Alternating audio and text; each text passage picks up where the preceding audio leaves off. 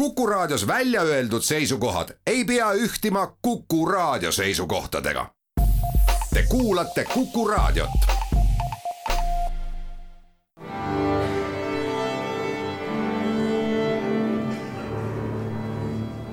daamid ja härrad, Eesti Kontserdi saade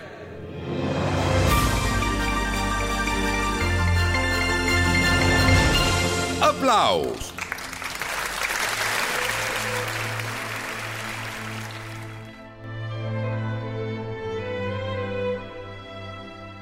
Tere kõigile, Eesti Kontserdi saade Aplaus, mina olen Lauri Aav. märtsikuu on vahetunud aprilli vastu ja kontserdielu aktiivsus ei näita kaugeltki kahanemise märke sellest ju hea meel, midagi ilusat peab siin maailmas ka olema. mõtlesin seda just läinud nädalal Flandria sümfooniaorkestri kontserdil, mis oli nii hea, et pidi mitu korda endalt küsima, kas see nüüd päriselu või on see muinasjutt ja kuna see päriselu tunne oli kuidagi kahtlaselt tuttav, tuli meelde, see ongi ju meie ammu unustatud päriselu, üle kahe aasta tagune. Küll see kõik taastub, võidame koroona ja head võidavad sõja ja elu läheb jälle normaalsusesse muide, ma ei saa sellest veel täna päris kindlasti ja kindlas kõneviisis rääkida, sest kokkulepet pole sündinud, kuid kammerorkester Kiievi solistid on õige pea kontsertidega Eestis. see on orkester, kes lahkus Kiievist Itaalia tuurile kahekümne kolmandal veebruaril, päev enne sõja algust ja on sest saadik otse kui kodutu orkestri ja rahusaadikuna andmas kontserte kõikjal Euroopas. see on omamoodi hämmastavalt operatiivne ja sõbralik koostöö kõigi Euroopa kontserdikorraldajate vahel, kes nende kontserte siin edasi on korraldanud Šveitsis, Saksamaal, Rootsis, Norras, Leedus, Lätis ja kahekümne kolmanda, kahekümne neljanda aprilli paiku peaksid nad Eestisse jõudma, et siin kontserte anda ja meie järgmises saates saame sellest juba kindlasti lähemalt rääkida praegu siis aga kindlate ja lähemate kontsertide juurde. Homme on Estonia kontserdisaali laval kolm häälekat kunstnikku. Elizabeth Reinsalu kõnehääl, Mati Turi lauluhääl ja Martti Raide klaverihääl. ja kontserdi pealkirjaks on muusikat ja draamat. Clara ja Robert Schumanni ning Johannes Brahmsi lugu on üks muusikaajaloo tuntumaid keerdkäike, kus on palju tundeid ja geniaalset muusikat ja maailm oleks kindlasti üsna palju vaesem paik, kui selle muusikakolmiku isiklikud elud, armastus, kannatus ja seekaudu ka looming poleks omas ajas kunagi põimunud kavas on loomulikult Schumanni ja Brahmsi muusika ja sõna saab kontserdil ka eeterlikult lummav muusa Clara Schumann. Ning samuti homme alustab oma kontsertidega õige pea juubelit tähistav Jaak Sooäär, meie džässiskeene üks hinnatumaid elektrikitarrimängijaid ja kavas on Bach ja ainult Bach. ja kuigi elektrikitarr võib esmapilgul tunduda Johann Sebastian Bachi muusika esitamiseks pisut ootamatu, on Jaak selle sobivuse aastate jooksul eri koosseisudes korduvalt ära proovinud. Seekord on siis koos Jaak Sooäärega laval Ivo Sillamaa klavessiinil ja keelpillikvartett Prezioso Bachiga kosmoses kontserti nimeks. ja kontserdid on homme Vanemuise kontserdimajas, nädala pärast kolmapäeval Jõhvi kontserdimajas ja järgmisel neljapäeval Tallinnas Estonia kontserdisaalis sel laupäeval õhtul kell seitse on Estonia kontserdisaalis üks erakordne kontsert. Budapesti Bösli koor, Helsingi barokkorkester, dirigent Aapo Häkkinen ja kavas on Grauni ja Bachi Passion Pasticcio helistan nüüd Saksamaale ja räägin selle kontserdi maaletooja klavessinist Sale Fischeriga ja kõigepealt peaksime vist alustama teose žanri määratlusest pastiš passioon. see ei ole kõige levinum ega teatud termin, et uurime Saale käest, et mis asi on pastiš äh, võib-olla ma natuke hiiliksin su küsimusest kõrvale ja läheksin veel natukene tahapoole ja vastaksin sellele küsimusele, mis asi on passioon passioon on suur teos, ehk tegelikult on oratooriumiga tegu. Ja passiooniks nimetame me selliseid oratooriume, mis põhinevad piibli tekstil ehk täpsemalt evangeeliumi tekstil.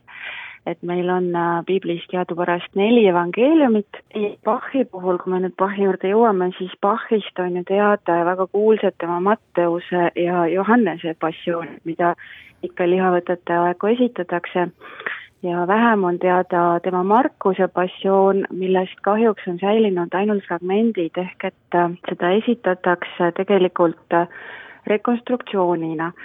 ja nüüd ma jõuan sinu küsimuse juurde ka, ehk tegelikult pastišš muusikas on kokku pandud teos või mosaiikne teos, aga antud juhul on tegemist tinglikult öeldes Bachi nii-öelda neljanda või isegi viienda passiooniga jutumärkides ehk teosega, mille Bach on ise kokku pannud ja nagu äh, selgus ka ette kandnud äh, neli kuud enne oma surma tuhande seitsmesaja viiekümnendal aastal äh, Suurel Reedel.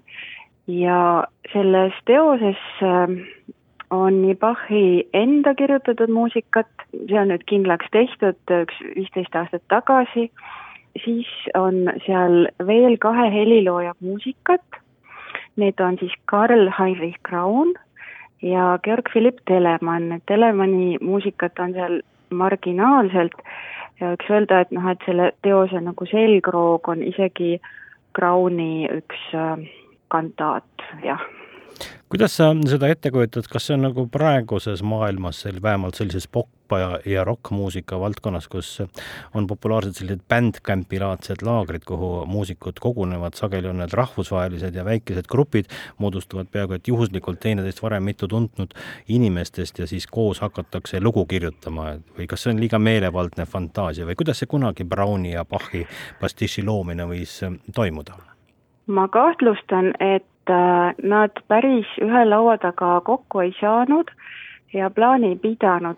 et ilmselt selle teose saamisloo taga on selline asjaolu, et äh, heliloojad taaskasutasid rahumeeli äh, oma, ütleme, head muusikat, et noh, ma muidugi tugevalt spekuleerin, aga ma arvan, et neli kuud enne oma lahkumist siit ilmast Bach võib-olla äh, oma, oma töökohal seal Leipzigis Tooma kantorina ei olnud enam mitte kõige parema tervise juures, samas äh, olid tal töökohustused.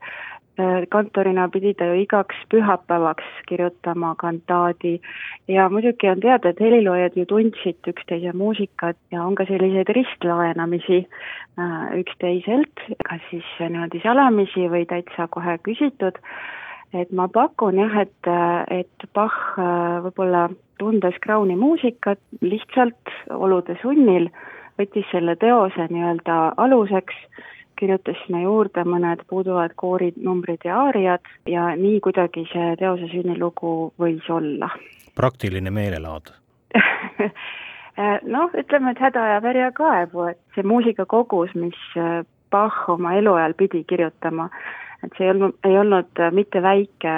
sinu jutust tuleb välja, et, et igal juhul on selle teose ettekandmine nüüd Eestis täiesti harukordne sündmus. jah, muidugi on, sellepärast et äh, tegelikult selle teose ettekandmine on üleüldse ka Euroopas harukordne sündmus, ega ka Soomes, kuhu see ettekanne läheb ju päev pärast Tallinna kontserti, on see esimene kord et eelmine aasta esitasid seda Helsingi barokkorkester ja ja Budapesti Brüsseli koor Budapestis, ka Eestis kõlab see teos esimest korda ja selles mõttes tõesti tegemist nagu esiettekandega, ainsa ettekandega ja väga heal tasemel ettekandega, nii et äh, igas mõttes väga eriline sündmus no koosseis, instrumendid, häälestus ja kõik on selline, et usutavasti me saame kuulda võimalikult autentset ja ajastutruud ettekannet, kas seda võib lubada? Äh, seda võib kindlasti lubada,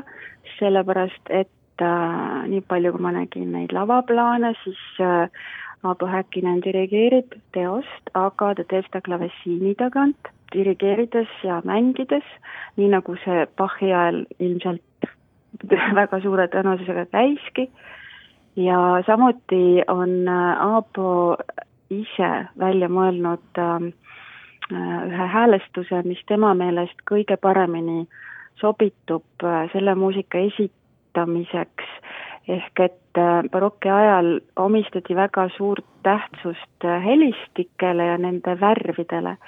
Ja orkester mängib muidugi ajalooliste pillide koopiatel, see tähendab, mhm. et äh, keelpillidel on äh, soolkeeled, on sellised vibujad poognad, mis sobivad väga hästi just detailide ettekandmiseks. koor on äh, spetsialiseerunud just varasele muusikale, just renessansi ja, ja barokk- ja varaklassitsistliku muusika esitamisele, et ühesõnaga kokkuvõttes ma arvan jah, et kui tulla nüüd laupäeva õhtul saali, siis saab teha sellise väikese ajarännaku sinna aastasse tuhat seitsesada viiskümmend ja sulgeda silmad ja et oleme Leipzigis aprillis, suurel reedel ja tajuda seda vaibi ja seda kõla, mis võis Bachile endale kosta saalist, kui ta seda teost ette kandis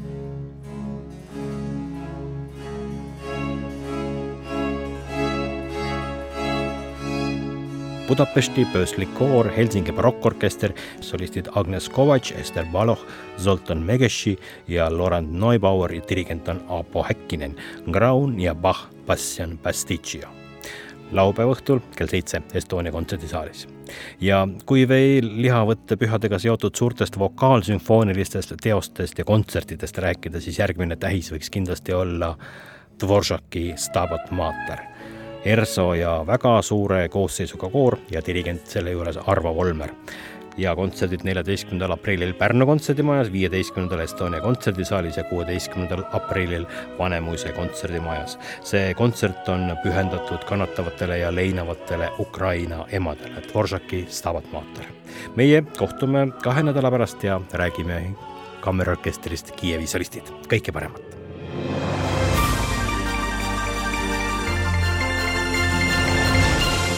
aplauso.